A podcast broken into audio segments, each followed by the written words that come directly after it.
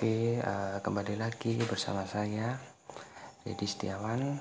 Kali ini pemirsa mendengar, uh, saya akan mencoba membagikan tiga topik yang menarik dari tiga tokoh-tokoh hebat.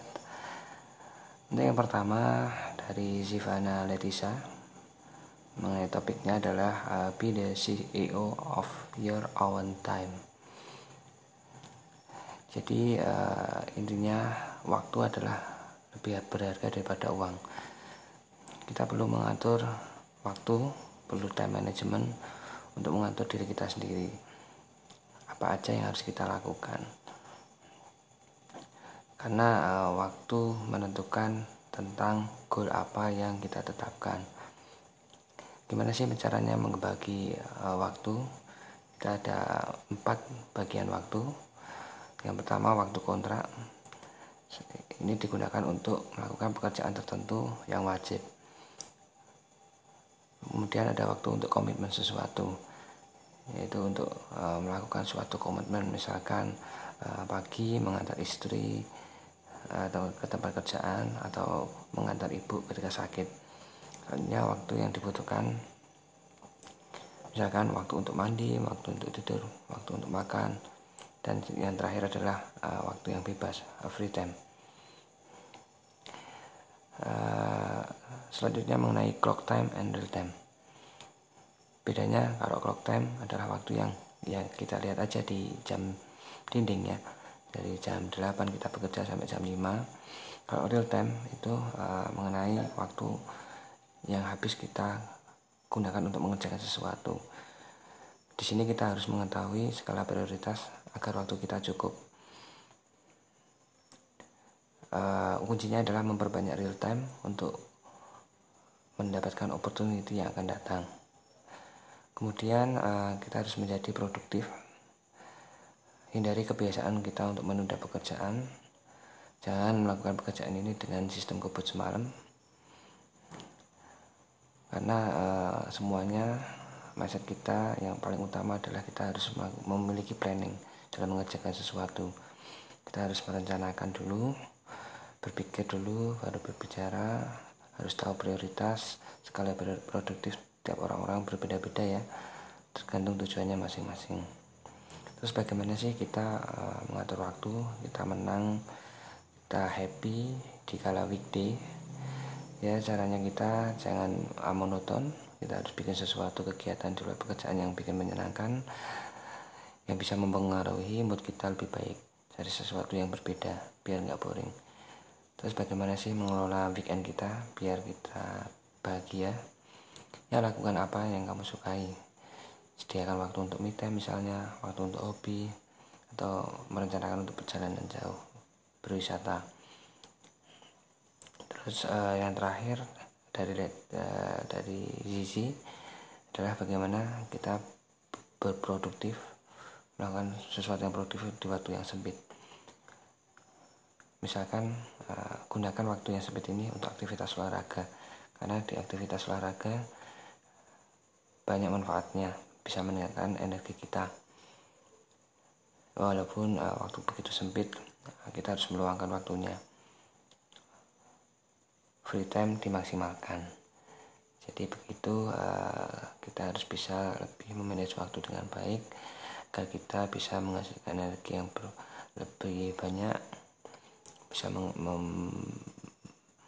bekerja lebih produktif sehingga lebih memberikan banyak manfaat. Oke selanjutnya dari uh, seorang CEO di, uh, topik kali ini menjadi bagaimana menjadi pemimpin dengan hati.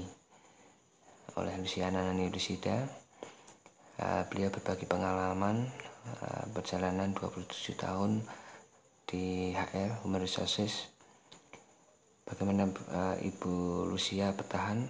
Ada dua kunci. Ibu Lucia harus uh, berusaha setiap kali melakukan pekerjaan harus bertumbuh dan berkembang.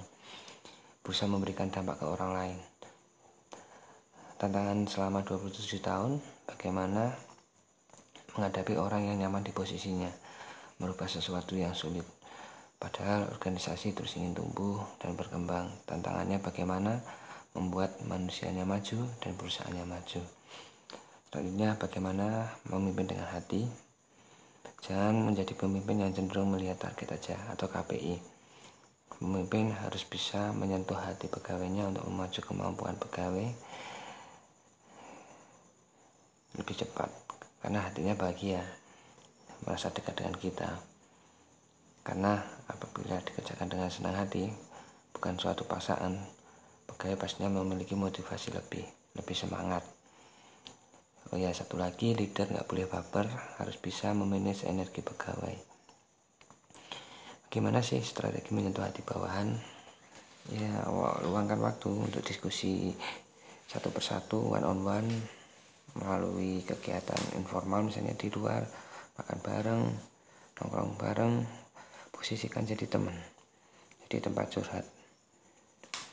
Bikin nggak ada gap antara pimpinan dan bawahan. Kalau uh, secara formalnya sih kalau di kantor bikin coaching dua arah. Jadi saling saling menilai kelemahan dan kekurangan masing-masing. Tidak hanya soal pekerjaan aja. Terus bagaimana sih caranya menghadapi pemimpin yang tidak punya hati. Kita harus menyesuaikan pemimpin tersebut. Kita tidak bisa mengubah pemimpin tersebut. Berikan apa yang atasan tidak punya. Pasti atasan akan menghargai. Terus uh, validasi untuk pemimpin adalah dari value yang bisa dilakukan atau yang bisa diberikan kepada karyawannya. Sehingga karyawannya bisa melakukan perform dengan baik dan menjadikan karyawannya sukses. Selanjutnya uh, topik yang terakhir tentang cognitive flexibility oleh Ernest Prakasa. Apa itu cognitive flexibility? Bagaimana kita mengambil uh, peran dalam suatu lingkup pekerjaan, beberapa peran. Ya, apalagi di dunia revolusi industri ini sangat penting kita tidak terpaku pada satu pekerjaan saja. Cognitive flexibility bukan soal multitasking, mengerjakan pekerjaan banyak pekerjaan dalam waktu yang bersamaan. Karena itu justru menghasilkan sesuatu yang tidak optimal. Tapi cognitive flexibility adalah bagaimana kita mengatur pekerjaan satu persatu dikerjakan. Proses perpindahannya fokus beradaptasi terhadap lingkungan untuk tugas yang beragam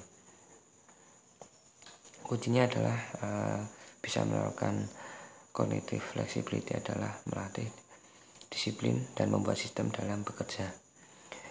Disiplin waktu dan membagi waktu dengan terstruktur atur jadwal atur jadwal dengan baik break sebentar lalu fokus hal yang selanjutnya.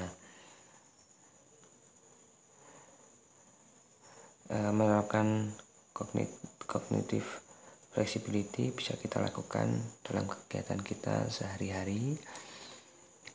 Ya tentunya bisa kita lakukan di pekerjaan yang sifatnya kantoran. Jadi eh, bagi bagi dua. Jadi pekerjaan yang bersifat administratif dan pekerjaan yang bersifat kreatif. Eh, cognitive flexibility mengatur kita untuk eh, menahan ekspektasi kita jadi uh, lebih sabar menghadapi setiap apa yang datang kepada kita. Mengasah kognitif flexibility dan tetap relevan seiring perkembangan zaman uh, dapat diasah sejak dini dengan disiplin waktu. Misalkan kita sebagai orang tua kita melakukan negosiasi mengatur waktu anaknya. Misalkan ingin menonton TV kita atur uh, sampai berapa lama atau sampai jam berapa. Kemudian apabila waktu itu sudah selesai maka tidak ada negosiasi lain. Nah secara nggak langsung hal tersebut bisa melatih kognitif flexibility anak tersebut. Terus selanjutnya kognitif flexibility di ranah kerjaan yang berbeda. Ya kita lakukan uh, tidak bersamaan ya misalkan sesuatu yang kreatif kita lakukan di malam hari sesuatu yang uh, administratif kita lakukan uh, sesuai jam operasional. Intinya semua perlu manajemen. Yang tahu batas kemampuan adalah kita sendiri. Kelola energi yang kita akan pakai. Uh, gimana sih menularkan cognitive flexibility di rekan kerja ya seorang pemimpin harus bisa menularkan cognitive flexibility ke anggota tim. Gimana caranya? Kembali lagi uh, mengenai disiplin waktu. Dan gimana caranya kita menggali potensi kemampuan anggota kita?